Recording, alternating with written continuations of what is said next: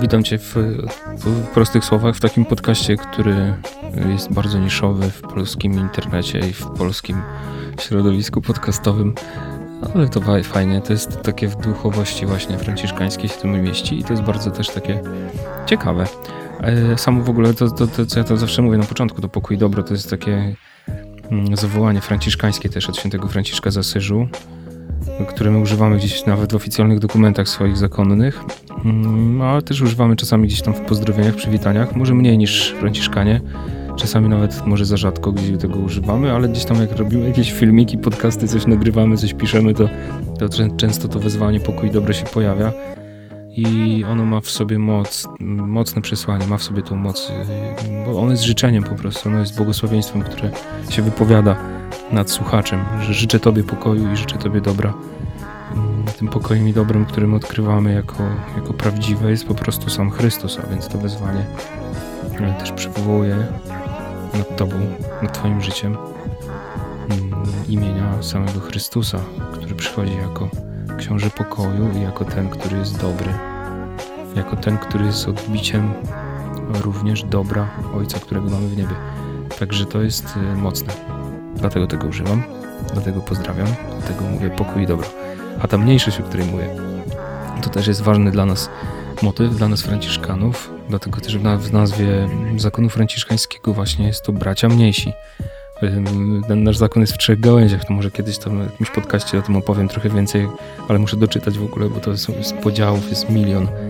Jesteśmy po prostu takim ruchem bardzo żywym i twórczym i kreatywnym, nie tak jak monolit dominikański czy benedyktyński, który po prostu jak 800 lat temu, czy tam jeszcze więcej założony, tak trwa sobie do dzisiaj, to u nas po prostu się mnożymy, pączkujemy, ciągle jakieś nowe formy życia powstają, ciągle jest po prostu taki niepokój franciszkański.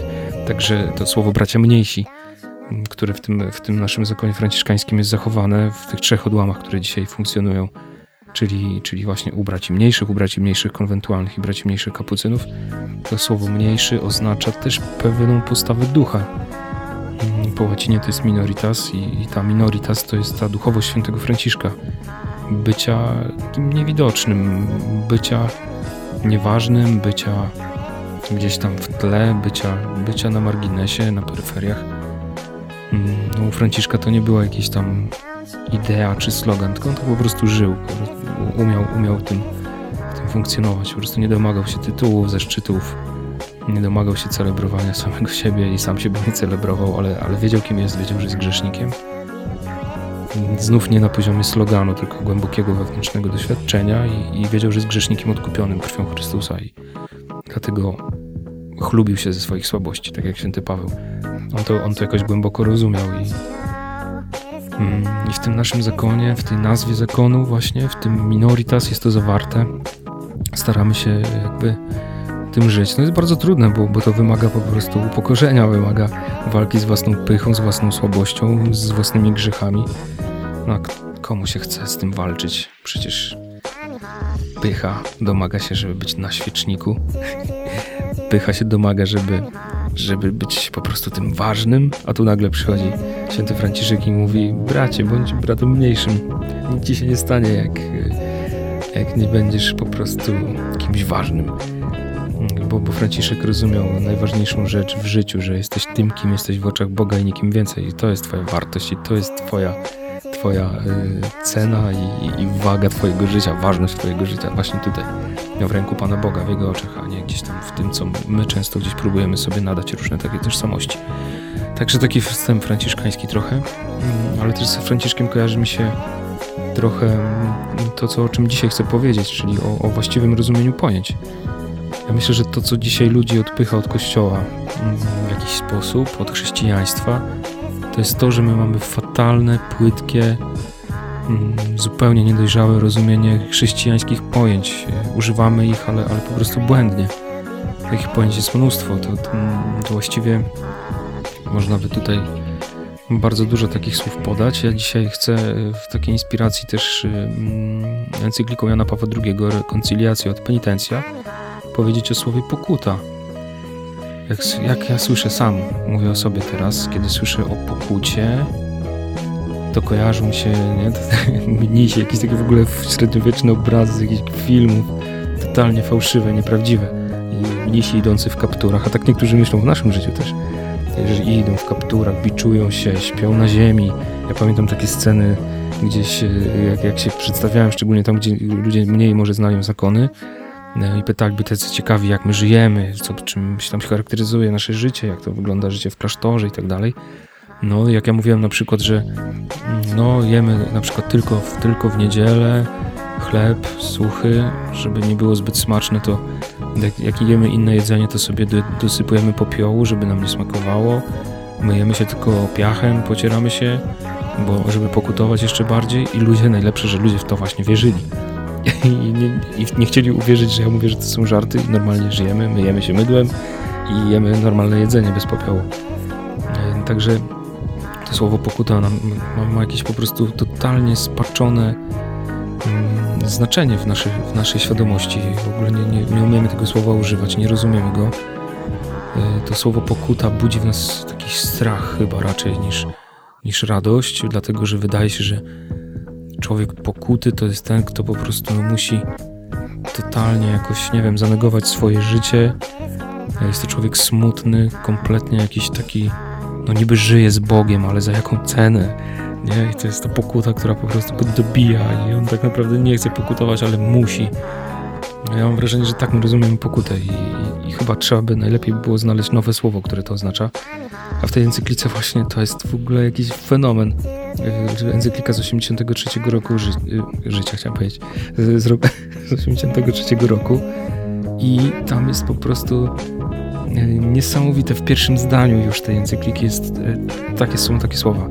Mówienie o pokucie i pojednaniu jest dla współczesnych mężczyzn i kobiet wezwaniem do odnalezienia na nowo w przekładzie na ich własny język owych słów, którymi nasz Zbawiciel i Mistrz Jezus Chrystus zechciał rozpocząć swoje przepowiadanie. Nawracajcie się i wierzcie w Ewangelię, czyli przyjmijcie radosną nowinę o miłości, o przybraniu za synów Bożych, a więc o braterstwie. To jest, to jest, są, to jest pierwsze zdanie encykliki i ono jest genialne. No. To, to, to, to właśnie chodzi. Nie wiem, kto wymyśli nowe słowo na, na, na to, co oznacza pokuta, ale, ale trzeba to o tym mówić w, dzisiaj, współcześnie i, i, mówić o tym, czym to, to słowo jest, co ono oznacza, a, a właściwie oznacza całe chrześcijańskie życie, które podejmuje po to, żeby, żeby się w nim objawiła miłość Boga przyjąć radosną nowinę o miłości Boga do mnie, do mojego życia, do drugiego człowieka. To jest pokuta. Pokuta to się, to się nawracać, nawracać i wierzyć w Ewangelię.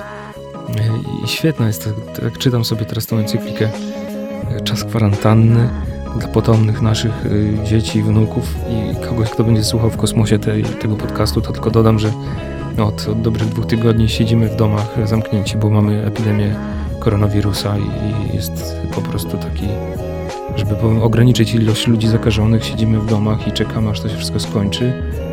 Jest 28 marca, kiedy to nagrywam i dziś jeden z ministrów mówił, że to dopiero początek. Także jest szansa, że przeczytam wszystkie papieskie encykliki i nagram jeszcze dużo podcastów na ten temat.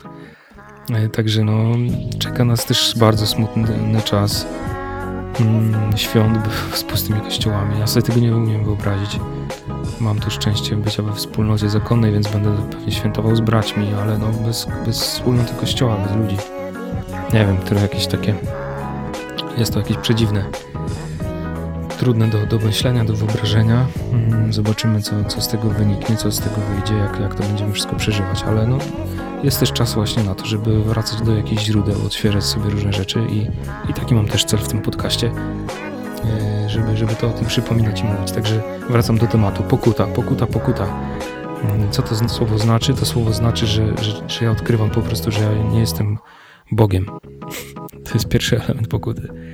Że nie jestem samowystarczalny, że nie jestem nieśmiertelny, że ja nie zbawię świata, że jestem po prostu słaby, że szukam szczęścia na różne sposoby i różnych takich życiodajnych źródełek, które tego życia mi nie dają. Że ja sam jestem po prostu grzesznikiem tak zakochanym w sobie, że aż gardzę Bogiem, tak mówi święty Augustyn. Że, że grzech to jest miłość. Grzech to jest miłość samego siebie posunięta aż do pogardy Boga. Pokuta to jest tutaj się zaczyna, w tym momencie, kiedy ja sobie zaczynam to uświadamiać. Kiedy ja odkrywam, że ja potrzebuję zbawienia spoza siebie. Że ja widzę, że wreszcie to już jest ten szczyt pokuty, ideał pokuty, że że to w Bogu mam zbawienie, że to On mnie zbawia, że to On ma do mnie miłość, której, której mi brakuje, że to On mi przebacza grzechy, bo ja sobie sam nie jestem w stanie ich odpuścić. E, I, i to jest pokuta w tym właściwym znaczeniu. To jest miejsce, kiedy ja zaczynam pokutować, czyli myśleć w taki sposób, bo, bo musisz pamiętać o jednym, że nawrócenie zaczyna się w myśleniu. Nawrócenie zaczyna się w Twoim sercu, które zaczyna czuć inaczej, które zaczyna wartościować inaczej i e, w inny sposób podejmować decyzje. To tutaj się zaczyna nawrócenie. To, to z greckiego to metanoja, które, którego używa święty Paweł, to, to właśnie to oznacza odnowienie w swoim myśleniu, opamiętanie się i odnowienie po prostu swojego umysłu, sposobu myślenia, mm, jakiegoś takiego paradygmatu. Nie wiem, co to słowo znaczy, że, ale tego wewnętrznego punktu odniesienia, który, który jest y, jakby takim fundamentalny dla mnie. Więc pokuta to jest wpuszczenie po prostu łaski Bożej do swojego serca i odkrycie, że ja potrzebuję po prostu Boga. Że ja nie jestem w stanie dłużej tak funkcjonować, jak funkcjonuję, że, że ja nie umiem kochać po prostu. Są bardzo trudne, ale też zwrotne momenty w moim życiu. I to, jest, to oznacza właśnie przyjęcie tej radosnej nowiny o miłości, którą Bóg ma dla mnie. Druga rzecz, którą mówi ten, ten dokument papieski, jest fantastyczna, bo są tam takie świetne w ogóle pokazanie Kościoła, tej, tej też roli Kościoła na świecie. Mm, to, tutaj by, myślę, że to jest, no szeroko tutaj trzeba traktować te, te, te, te pojęcia, ale dokument mówi o rozbitym świecie. Ta, ta adhortacja, którą, którą, do której się odnoszę, rekonciliacja od penitencja, ją czytamy, i Jan Paweł II mówi o świecie rozbitym i podziałach, które ujawniają się w stosunkach pomiędzy ludźmi, pomiędzy grupami, w wymiarze większych zbiorowości, w gorączkowym dążeniu do hegemonii, narody powstają przeciw narodom, istnieją bloki przeciwstawnych sobie państw. No to wiadomo, to jest kontekst też zimnej wojny, Stany Zjednoczone, e, Związek Radziecki, to, to było bardzo wyraźny ten podział. Dzisiaj on się jakoś przesuwa, to się zmienia, ale jakby nie zmienia się ta linia podziału, że, że jesteśmy sobie wrodzy.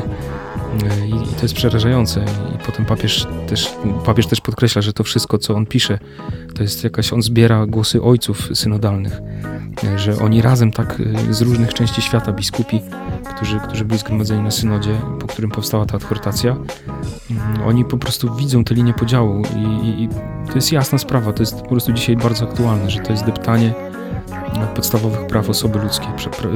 Przede wszystkim pisze papież prawa do życia, do egzystencji godnej człowieka. Y, a co bardziej oburzające, gdy towarzyszy temu niespotykana dotąd, czysto retoryczna obrona tych właśnie praw. No to jest po prostu to, co mamy dzisiaj, dokładnie to samo. Y, kolejna rzecz, zasadzki, naciski stosowane przeciwko wolności jednostek i zbiorowości, różne formy dyskryminacji rasowej, kulturalnej, religijnej, przemoc i terroryzm, stosowanie tortur oraz niesprawiedliwych i bezprawnych form represji, nagromadzenie broni konwencjonalnej bądź atomowej, niesprawiedliwy podział zasobów świata i dóbr cywilizacji. To są te linie podziału oczywiście społeczne, globalne, dlatego mówiłem wcześniej, że, że to jest takie szerokie spojrzenie. Ono w takim mm, wąskim spojrzeniu, o czym też e, za chwilę później e, wspomina dokument, objawiają się w ranie serca człowieka.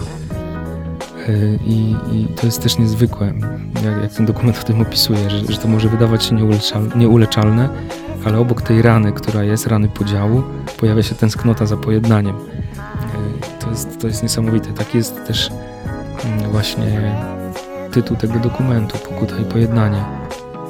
Tak jak nazwa sakramentu podpowiadam, żeby sobie to kojarzyć od razu, gdzie szukać odpowiedzi na te wszystkie rzeczy. Rana, która jest skutkiem grzechu pierworodnego, rana podziału, która jest w moim sercu, podziału między mną a mną. Mój dom murem podzielony, jak śpiewał kiedyś Kazik. Mną, który walczy z sobą samym, walczy z drugim człowiekiem. Podział, który jest e, w mojej wspólnocie, w mojej rodzinie, w moim domu, w mojej głowie, w moim sercu, w mojej pracy, na moich studiach, e, w mojej grupie jakiejkolwiek. Wszędzie jest podział to jest skutek y, grzechu pierworodnego i tego momentu, w którym Adam schował się w krzakach przed Bogiem, bo to jest też podział, rozłam między mną i Bogiem. I, i ja sam o własnych siłach no nie jestem w stanie go po prostu ani zasypać, ani przeskoczyć. I to, co mówi mm, ten dokument, jest bardzo istotne. To wymaga od, od ciebie również, ode mnie, od, od Kościoła ogromnej dojrzałości. Jan Paweł II pisze, że charyzmatem Kościoła Co w ogóle jest jakieś przedziwne. Ja nigdy w życiu tego nie, tak nie rozumiałem ani nie widziałem.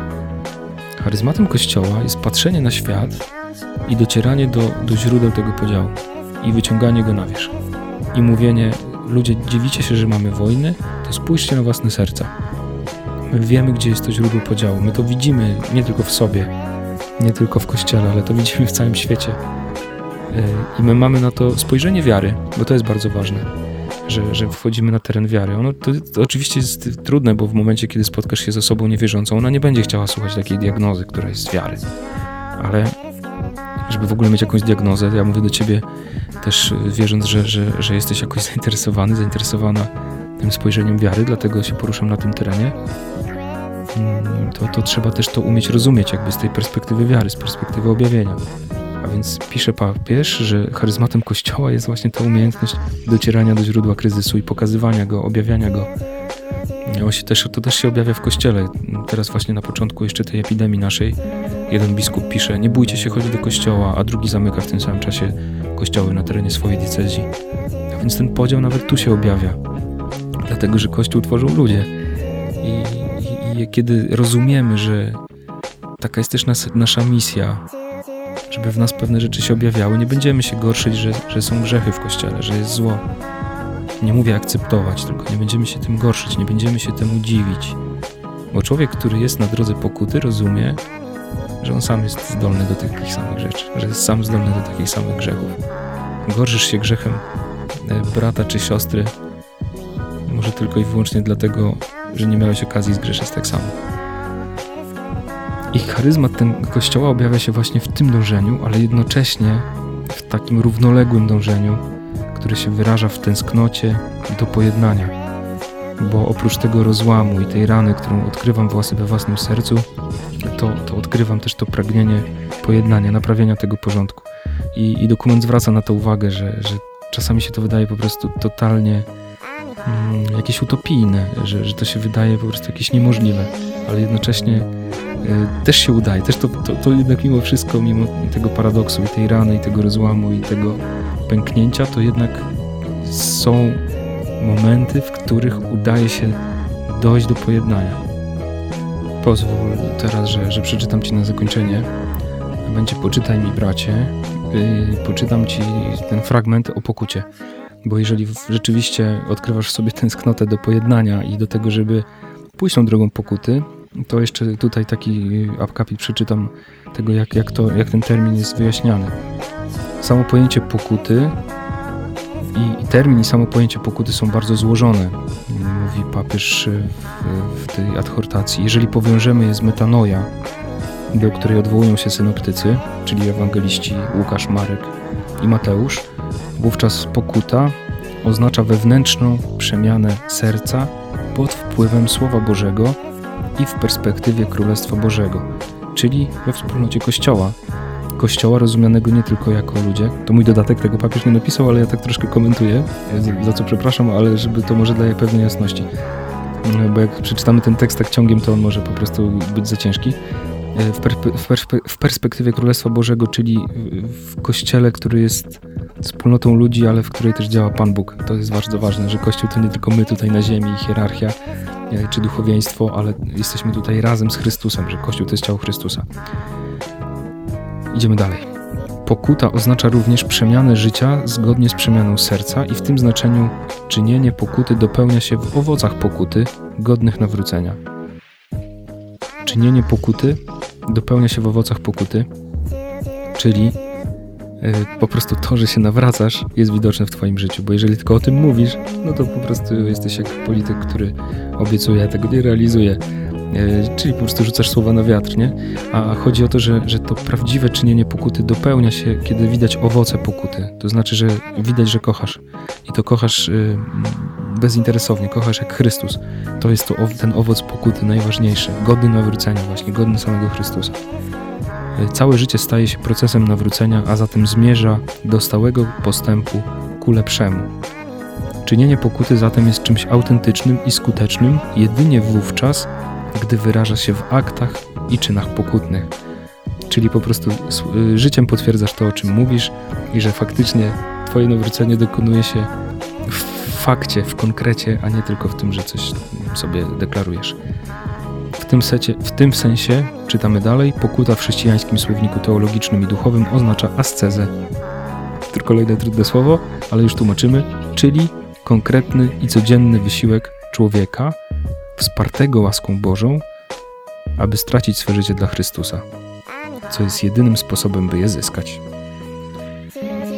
Aby porzucić dawnego człowieka i przyoblec człowieka nowego, aby przezwyciężać w sobie to, co cielesne, by zwyciężyło to, co jest duchowe, aby nieustannie wznosić się od rzeczy, które są na ziemi, do tych, które są w górze, w niebie, gdzie przebywa Chrystus. Pokuta jest zatem nawróceniem, które przechodzi z serca do czynów, a więc do całego chrześcijańskiego życia. Świetne. Super słowa i. Mm, właściwie teraz czuję, że wszystko, co powiem, będzie banalne po tym, co przeczytałem.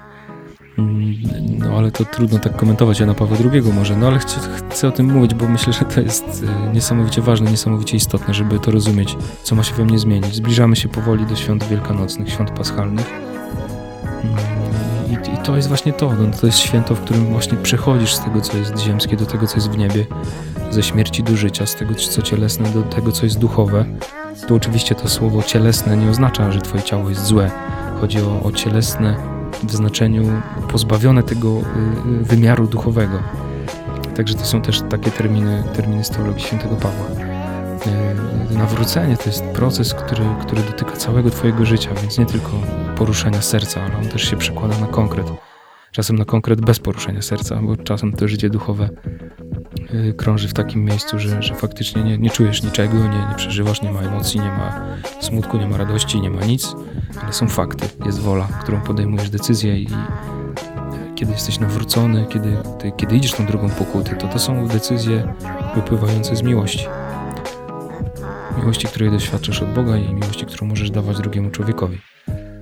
Będziemy czytać ten dokument chyba dalej, jeżeli uda mi się wytrwać w tym, e, w tym świętym postanowieniu, żeby trochę jeszcze pokomentować. E, no, mnóstwo, mnóstwo fantastycznych spojrzeń, jakichś kontekstów mnóstwo świetnych duchowych inspiracji, także mam nadzieję, że jeszcze do tego tematu wrócimy i, i jeszcze sobie trochę poczytamy. Do usłyszenia.